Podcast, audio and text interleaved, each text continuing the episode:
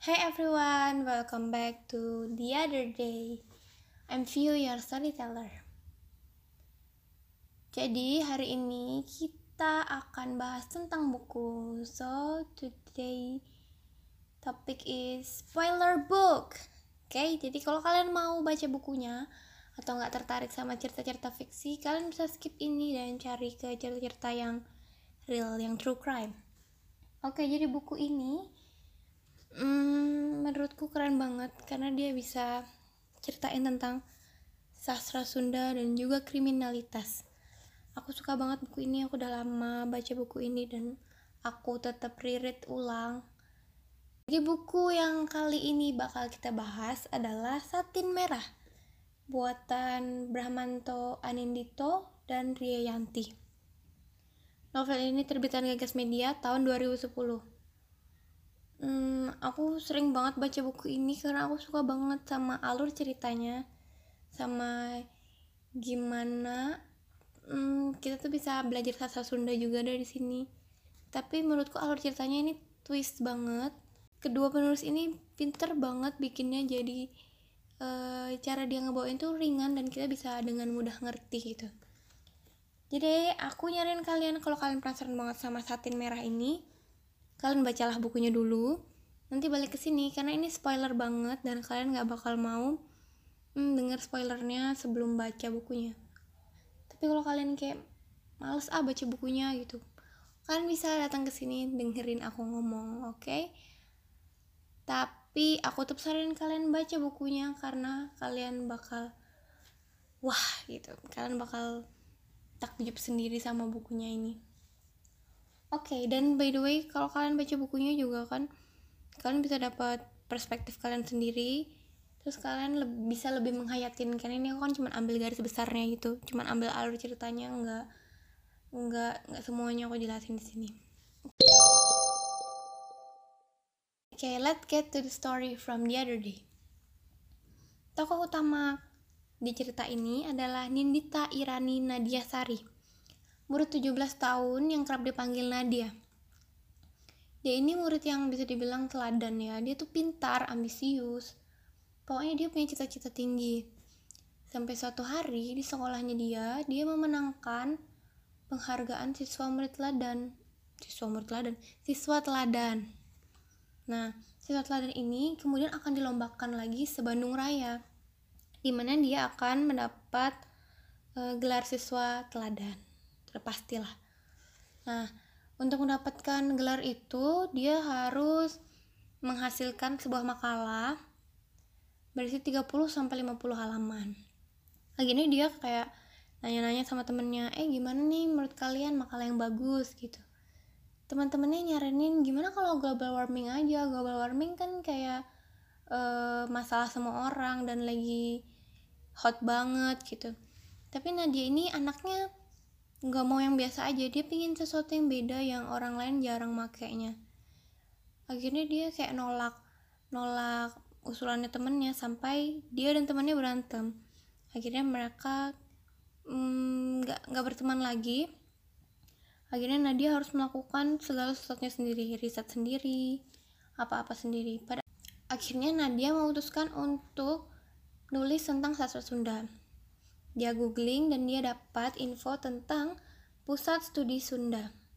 Jadi dia akhirnya pergi ke pusat studi Sunda itu dan mendapatkan informasi uh, kalau mau cari tahu tentang um, tentang sastrawan Sunda dan sastra Sunda, dia bisa pergi ke se seorang sastrawan yang namanya Yahya Sumantri. Dia ini sastrawan Sunda yang sudah lumayan tu tua dan dia sudah berpengalaman Lalu akhirnya Nadia berkunjunglah ke rumah Yahya S ini. Cuma rumahnya ini seperti nggak nggak terawat gitu. Banyak ilalang, terus kayak cat yang lupa. Sampai akhirnya dia ketuk lah. Dia ketuk dan ternyata orangnya ada. Lalu Nadia terus terang dia ingin belajar tentang sastra Sunda. Dia ingin wawancara sih lebih tepatnya. Dia ingin bikin Yahya S ini jadi narasumbernya. Cuman Yahya S ini bilang daripada cuman wawancara gimana kalau Neng sekalian belajar tentang sastra Sunda? Akhirnya Nadia setuju untuk uh, belajar nulis sastra Sunda. Ini keesokan harinya dia datang lagi dia sudah bawa karya tulisnya eh karya sastranya. Tapi tidak sesuai yang diharapkan Yahya S ini nggak suka sama hasil karyanya Nadia dia pikir kok kayaknya karyanya picisan banget gitu. Terus uh, Yahya S ini malah bilang gini kamu mau terima kritikan saya atau kamu mau nangis aja sama bakatmu yang picisan ini? Nah dia nggak terima dong. Sebagai anak pintar ambisius dia yang kayak nggak suka digituin. Akhirnya dia memutuskan untuk nggak balik lagi ke rumahnya Yahya S ini. Dia nggak mau berguru lagi sama Yahya S tapi pada akhirnya dia memutuskan untuk gabung sebuah grup Facebook yang namanya Sastra Sunda Plus itu grup Facebook di situ dia membagikan sebuah karya puisi untuk dinilai orang-orang situ. Orang-orang di Facebook, puisinya judulnya Balaka. Berbeda dengan apa yang Nadia pikirkan, ternyata orang-orang sangat suka dengan puisi buatan Nadia yang dia bagikan di uh, grup Facebook ini. Orang-orang mulai memuji, tapi ada juga yang berkomentar, berkomentarnya seperti, kok ini mirip banget ya sama Yaya S? gitu. Uh, ini kok kayak cuman dijiplak gitu ya? Mirip banget sama YS gitu. Cuman Nadia gak peduli karena dia lihat lebih banyak orang yang muji daripada yang kritik cuman pada akhirnya dia bilang hmm, saya masih 17 tahun saya masih belajar uh, siapa yang seharusnya saya cari tahu untuk belajar lebih tentang sastra Sunda lalu mereka menyarankan sebuah sastra, uh, seorang sastrawan Sunda yang bernama Didi SP jadi di, di DSP ini adalah mantan redaktur kriminal pro rakyat yang mm, memutuskan untuk pensiun muda. Dia baru berumur 33 tahun, tapi dia memutuskan untuk pensiun di umur 32 tahun. Dia ini spesialisasi cerita kriminal. Hmm, karya-karyanya juga terkenal dan ser sudah sering di publish di majalah-majalah Sunda. Akhirnya Nadia bertemulah dengan di DSP ini dia belajar tentang kriminalitas dari DDSP. Hmm, sampai satu hari DDSP bilang, hmm, maaf ya saya nggak bisa lama-lama nih, karena saya mau ada pertemuan dengan para sastrawan. Nah dia yang denger itu seneng dong, dia kan pingin ketemu banyak sastrawan. Akhirnya dia bilang, gimana kalau saya ikut aja pak gitu. Dia juga pingin ketemu sastrawan-sastrawan lain gitu. Hmm, emang siapa aja pak sastrawannya?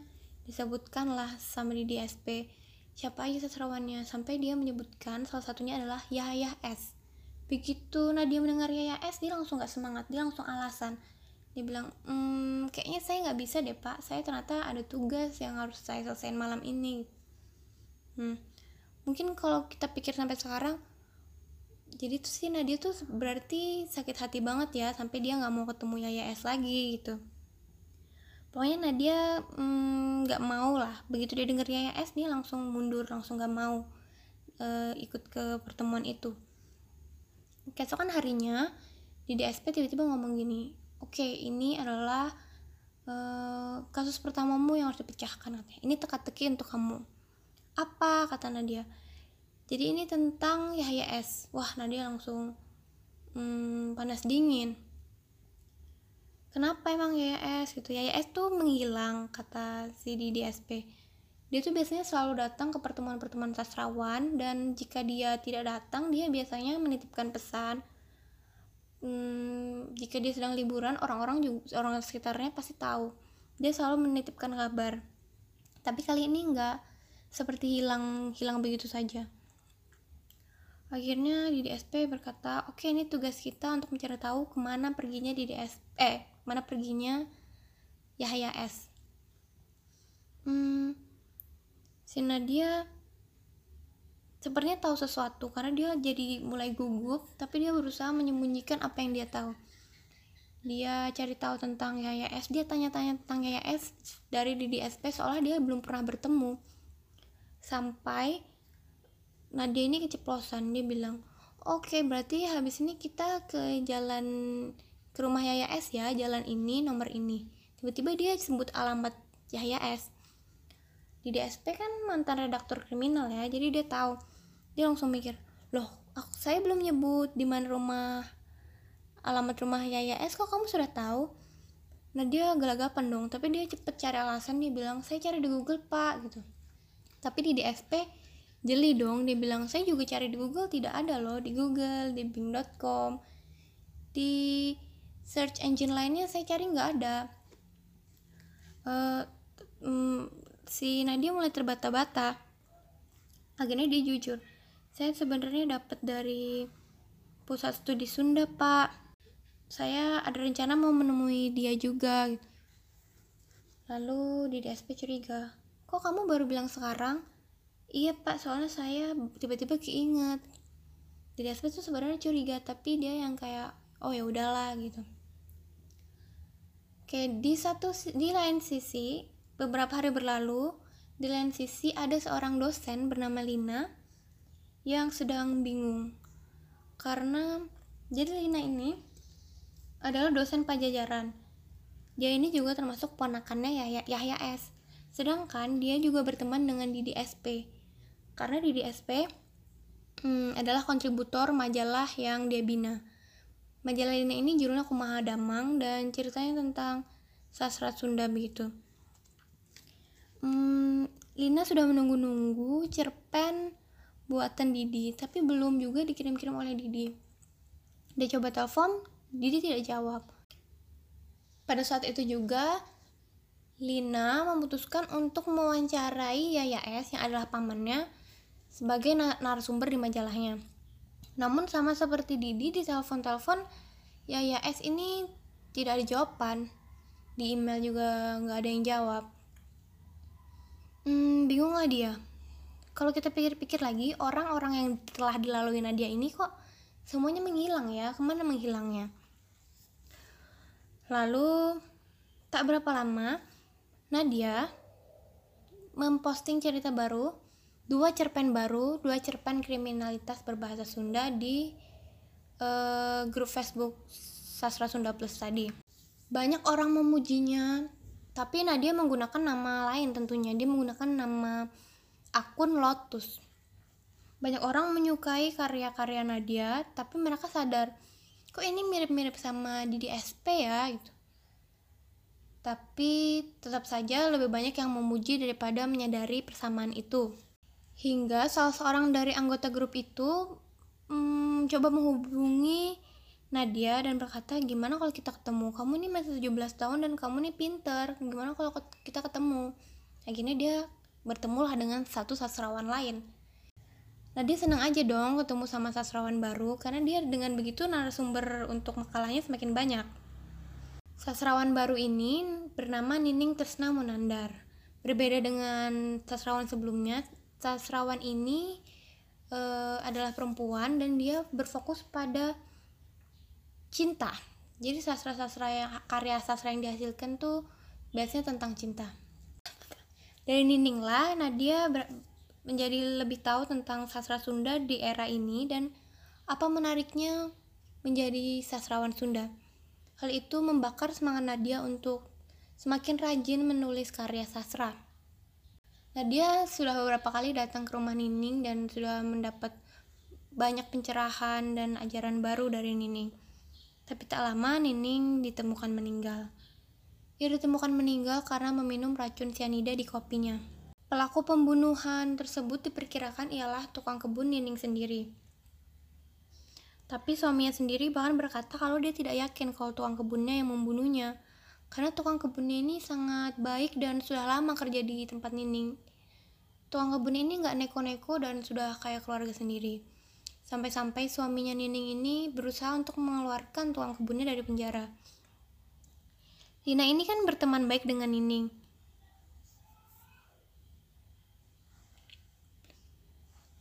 Dia lalu bertanya kepada suaminya, ehm, siapa saja yang baru-baru ini sering keluar masuk rumah Nini?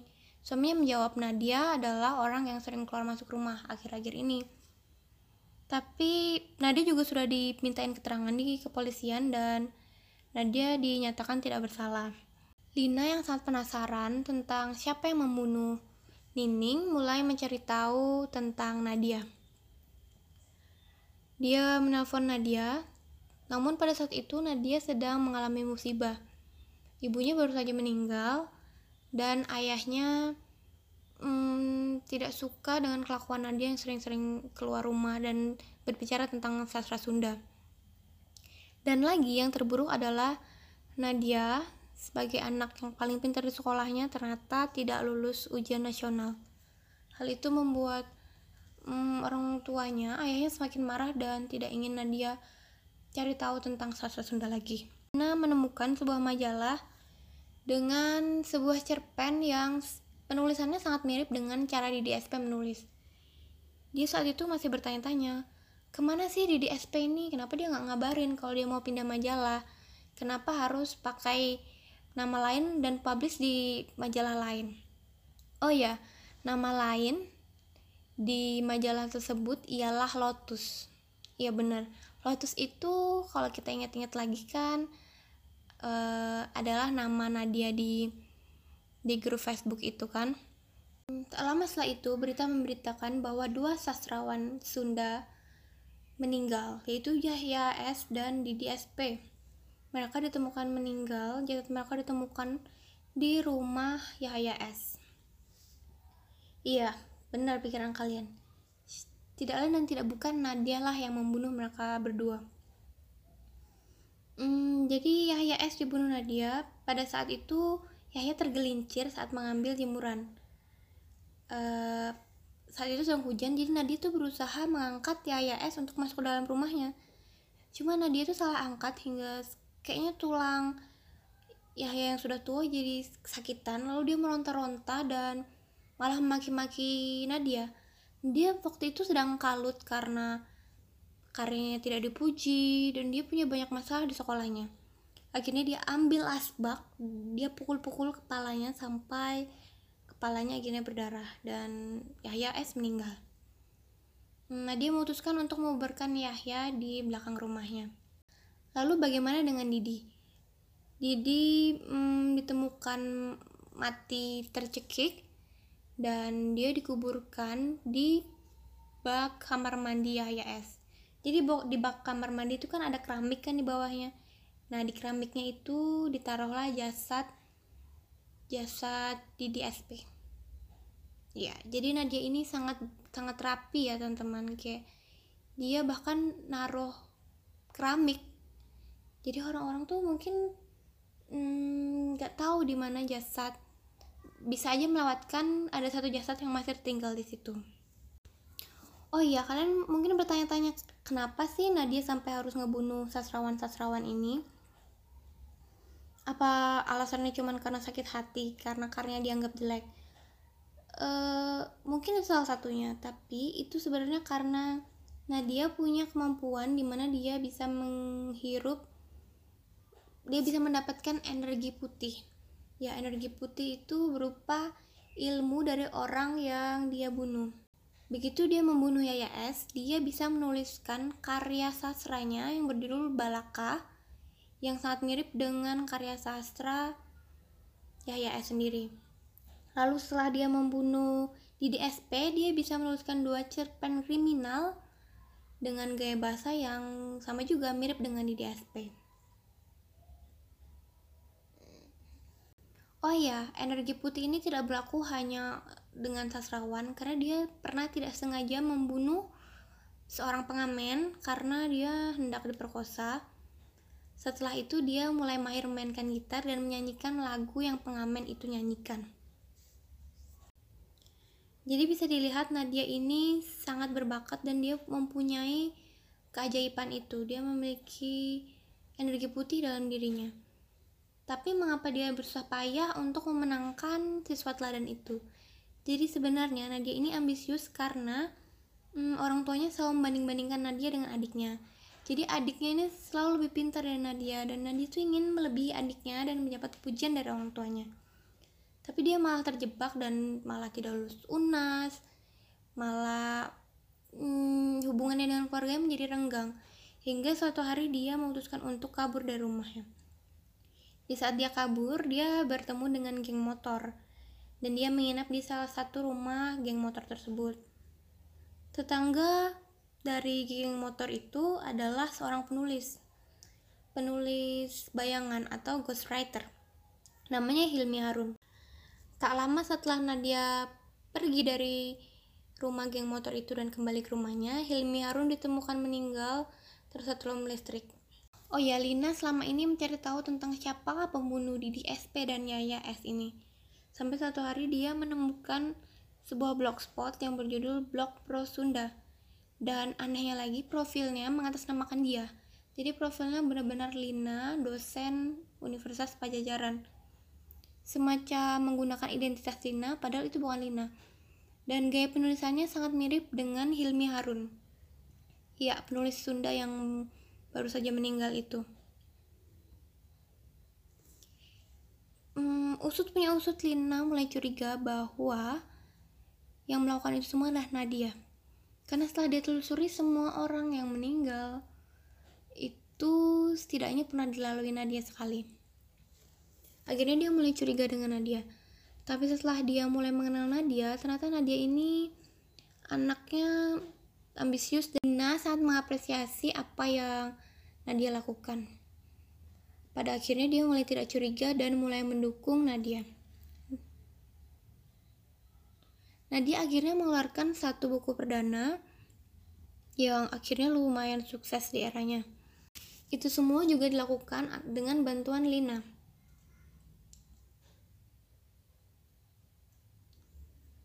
Nadia pada saat itu Nadia akhirnya memiliki kesempatan untuk jumpa fans atau semacam temu buku dengan para pembacanya. Dia meminta Lina untuk menjadi moderatornya. Akhirnya Lina, hmm, ya sudah deh boleh, dia mau jadi moderatornya. Oh iya, karena ada suatu kejadian, tiba-tiba Lina kembali curiga dengan Nadia. Dia merasa Nadia itu adalah Lotus yang berarti Lotus adalah pembunuh Yaya S dan hmm, Didi SP. Namun pada saat Lina sedang memoder mem, pada saat Lina sedang membawakan acaranya untuk Nadia, dia tidak sengaja menyinggung-nyinggung soal Lotus. Nadia mulai panik dan dia merasa hmm, segala kejahatannya ketahuan. Lalu pada saat itu hujan dan dia langsung berlari menuju hujan. Di tengah-tengah hujan itu tiba-tiba ada petir dan dia tersambar petir. Dan ya benar sekali dia meninggalkan tersambar petir. Jadi dia tuh semacam sudah tahu kalau itu adalah ajal dari karirnya jadi dia mau sudah tersambar petir aja. Tapi ending cerita ini sangat mengharukan. Di akhirnya hmm, ada sebuah pesan yang dititipkan Nadia untuk keluarganya yang yang ini harus kalian cari tahu sendiri. Oh ya dan juga di buku ini ada hmm, puisi Nadia tadi yang judulnya Balaka. Menurutku kalian harus baca banget karena di situ diceritain kronologi Nadia membunuh Yahya S dan itu bagus banget menurutku dan kalian patut baca langsung.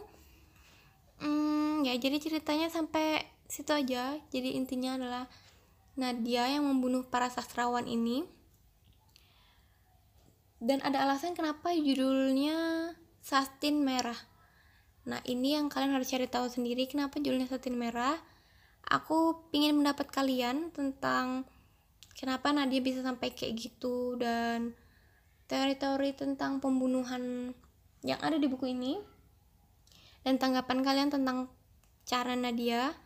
Oh ya di sini Lina juga menurutku keren banget caranya dia menyelesaikan kasus ini. Kalian juga harus baca detailnya langsung. Hmm, tentang pendapat opini kalian dan reaksi kalian setelah baca buku ini, aku mau kalian tulis di emailku di shampootalker at gmail.com Oke, jadi ceritanya sampai situ. Hmm, see you in the next story. Bye bye.